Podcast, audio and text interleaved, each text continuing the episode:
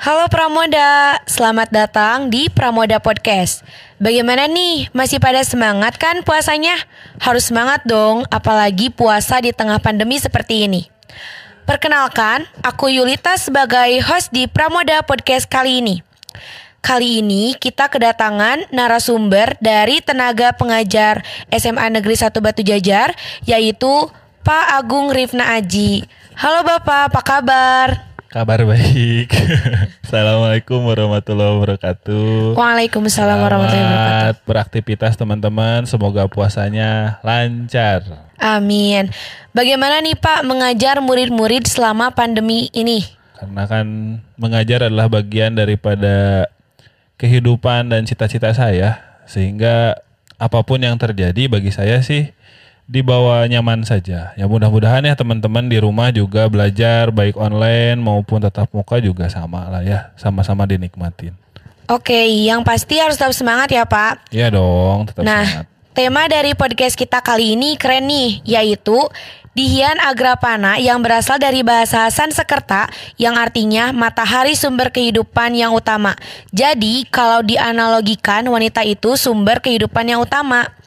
Dari pengertian wanita sumber kehidupan utama tadi, ada beberapa pertanyaan yang akan aku ajukan kepada Bapak nih.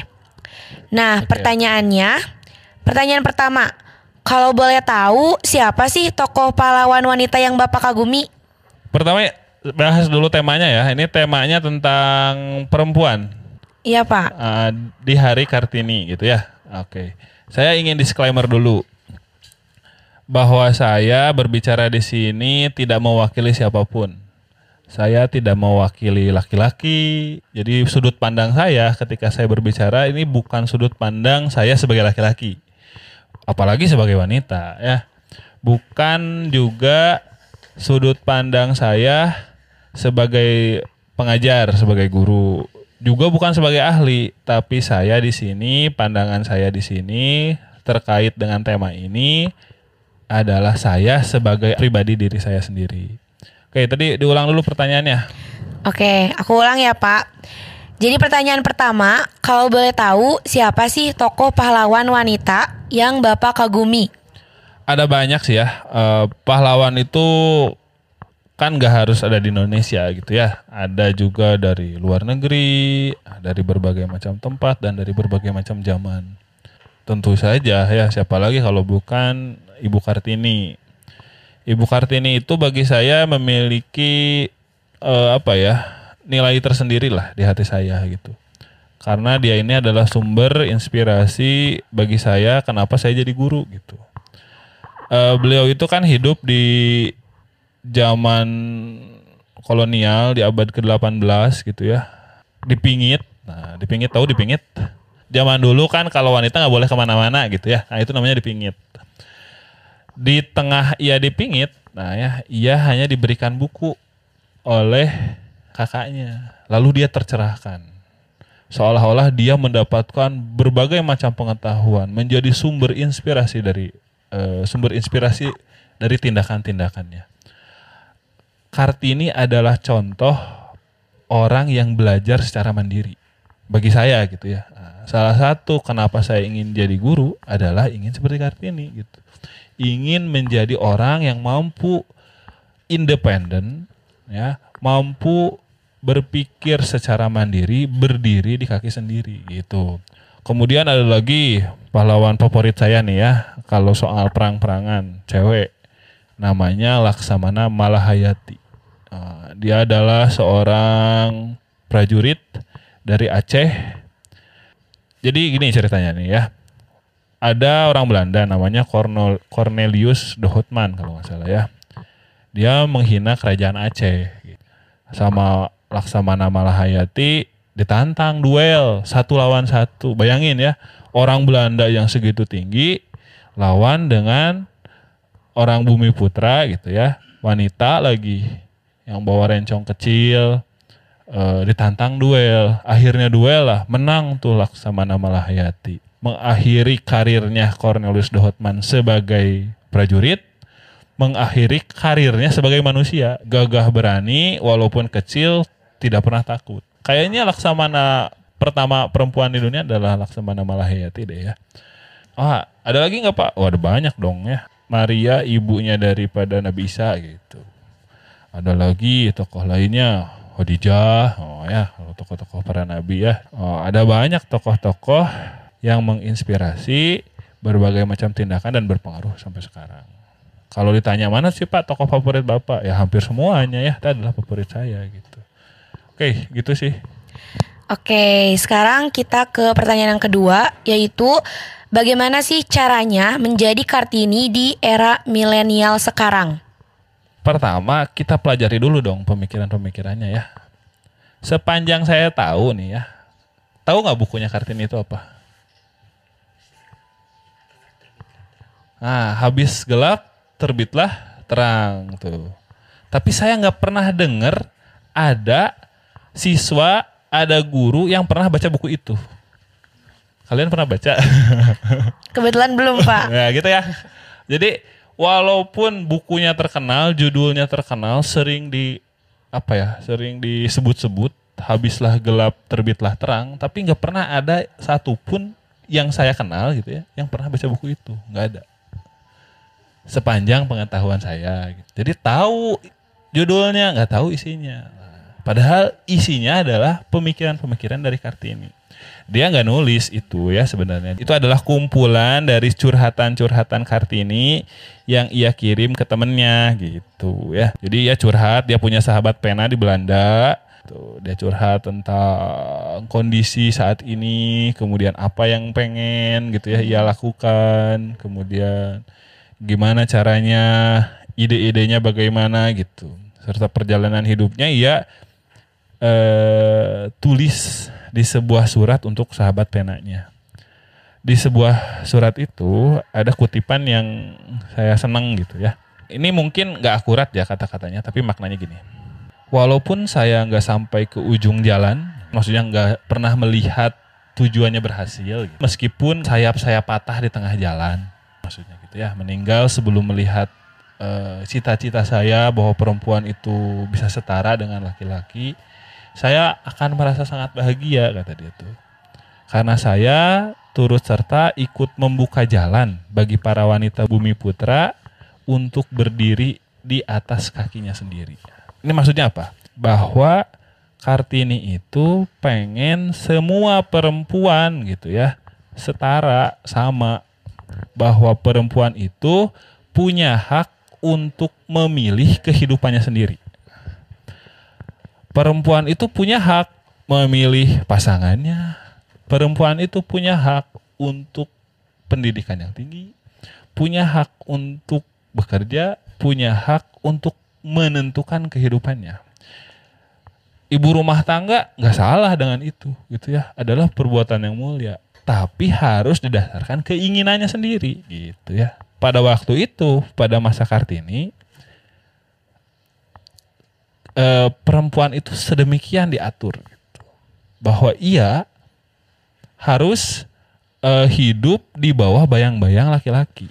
Dia nggak boleh melakukan ini, nggak boleh melakukan itu. Kalau ada anak gadis dipingit, nggak ada yang salah dengan itu, gitu ya. Tapi keinginan Kartini adalah itu tuh harus berdasarkan keinginan perempuan sendiri.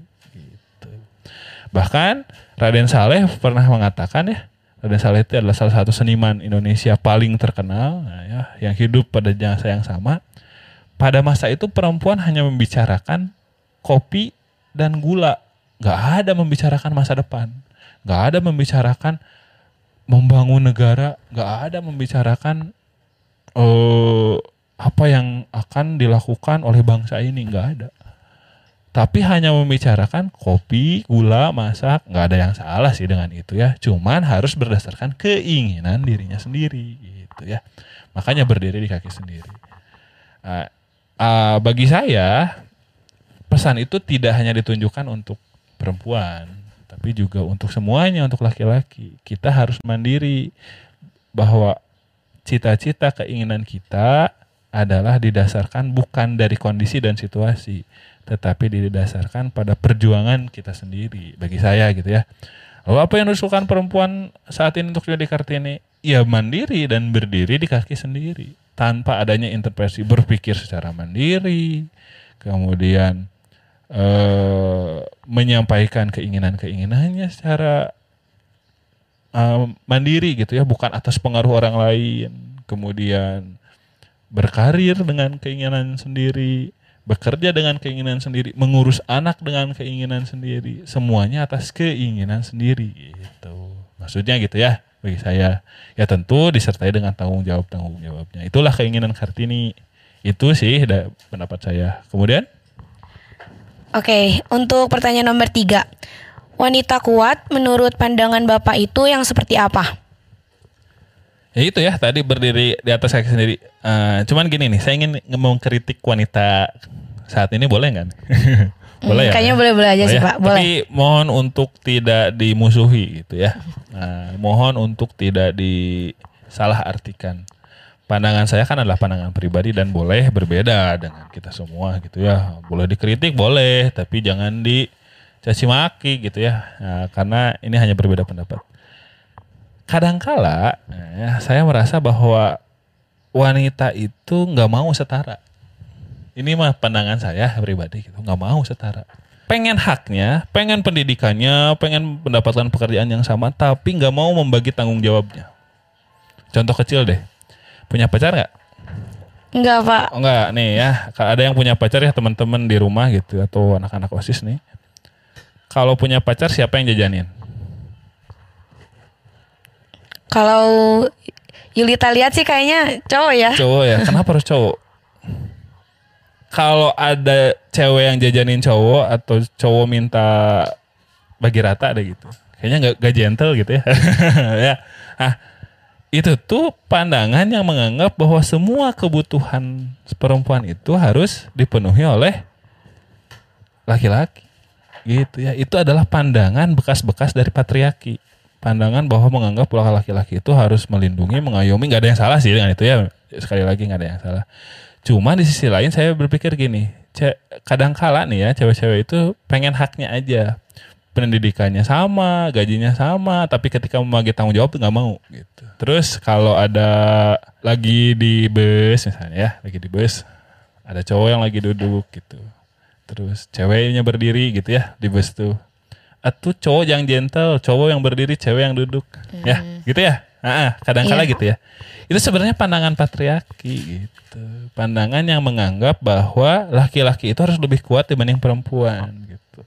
Pandangan yang menganggap bahwa laki-laki itu harus mengayomi perempuan. Padahal menurut Ibu Kartini bukan begitu gitu ya, bahwa tanggung jawab itu harus dibagi bersama.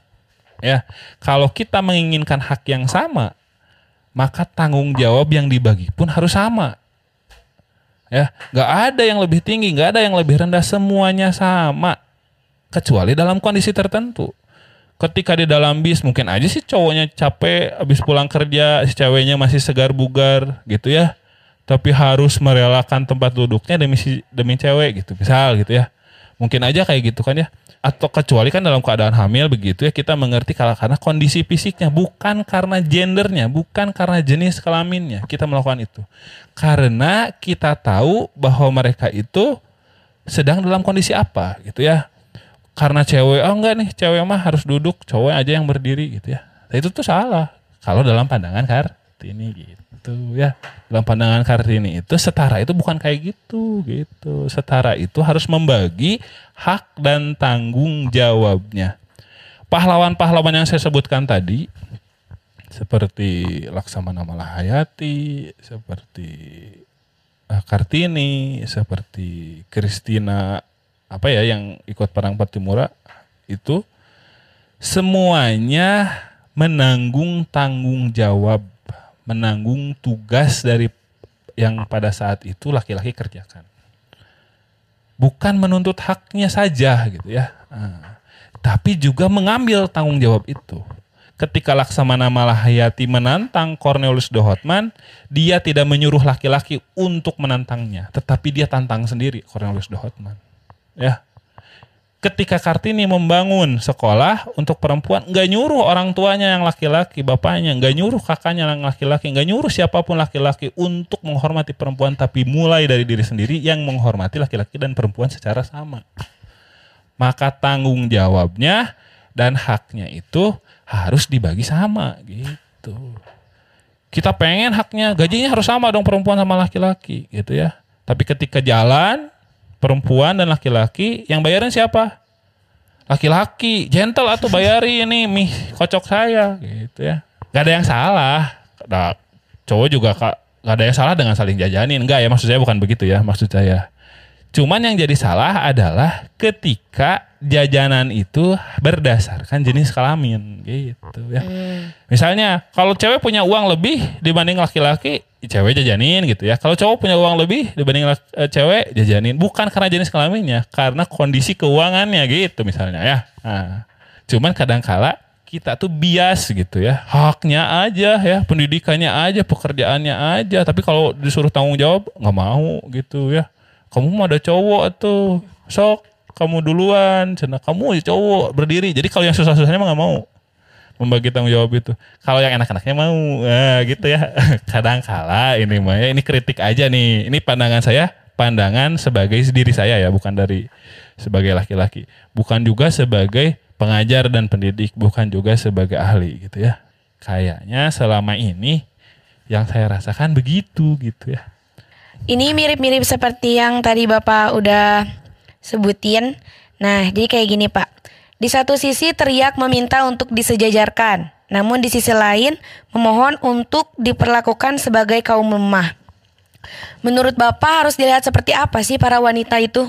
Nah itu sama ya berarti eh, ya harus membagi tanggung jawab dan haknya.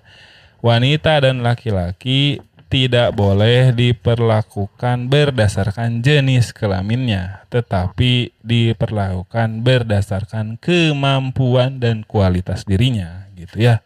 Kalau wanita pem, pemikirannya lebih bagus, menjadi pemimpin, akui itu. Kalau dia punya jiwa kepemimpinan yang lebih baik, akui itu. Bukan karena dia jenis kelaminnya, tapi karena dia punya kualitas sebagai pemimpin. Karena masih apa ya masih banyak ya, perempuan yang belum mendapatkan haknya, apalagi belum mengerti tanggung jawabnya. Itulah ada Hari Perempuan untuk memberikan edukasi gitu ya, eh, agar mereka lebih memahami dan mengerti. Begitu. Oke, uh, mungkin itu saja ya pertanyaannya. Semoga kita semua mendapatkan wawasan baru dan membuka pikiran kita dan bagi perempuan atau laki-laki yang nonton di rumah semoga bisa jadi pribadi yang lebih mandiri ya Pak okay. dan bisa berdiri di kaki sendiri. Ya. Nah mungkin ada uh, pesan-pesan yang ingin Bapak sampaikan kepada para pendengar Pramoda Podcast kali ini? Apa ya uh, pesannya adalah selalu teladani perjuangan-perjuangan dari pahlawan kita ya. Tidak hanya Kartini, tidak hanya tidak hanya Malahayati, tapi juga pahlawan-pahlawan lain. Silahkan tentu nilai dan nilai-nilainya kita terapkan dan disesuaikan dengan pada masa kini dan saat ini. Terima kasih. Eh, pesan yang bagus nih dari Pak Agung buat para pendengar Pramoda Podcast di rumah. Semoga pesan yang disampaikan ini berguna buat kita semua ya. Okay. Baik, terima kasih Pak atas kesediaan waktunya menjadi narasumber di Pramoda Podcast kali ini. Nah, buat para pendengar Pramoda Podcast, kita sudah sampai di penghujung acara nih. Eits, tapi jangan sedih ya, karena bulan depan Pramoda Podcast akan balik lagi nih. Dan tentunya akan mendatangkan narasumber yang menarik dan bakal bisa menambah wawasan kita semua. Jadi jangan sampai ketinggalan ya. Akhir kata, aku Yulita dan Bapak Agung pamit undur diri, tetap semangat dan tetap dan tetap patuhi protokol kesehatan. Terima kasih telah mendengarkan dan sampai jumpa di bulan depan. Dadah. Ya, Assalamualaikum warahmatullahi wabarakatuh.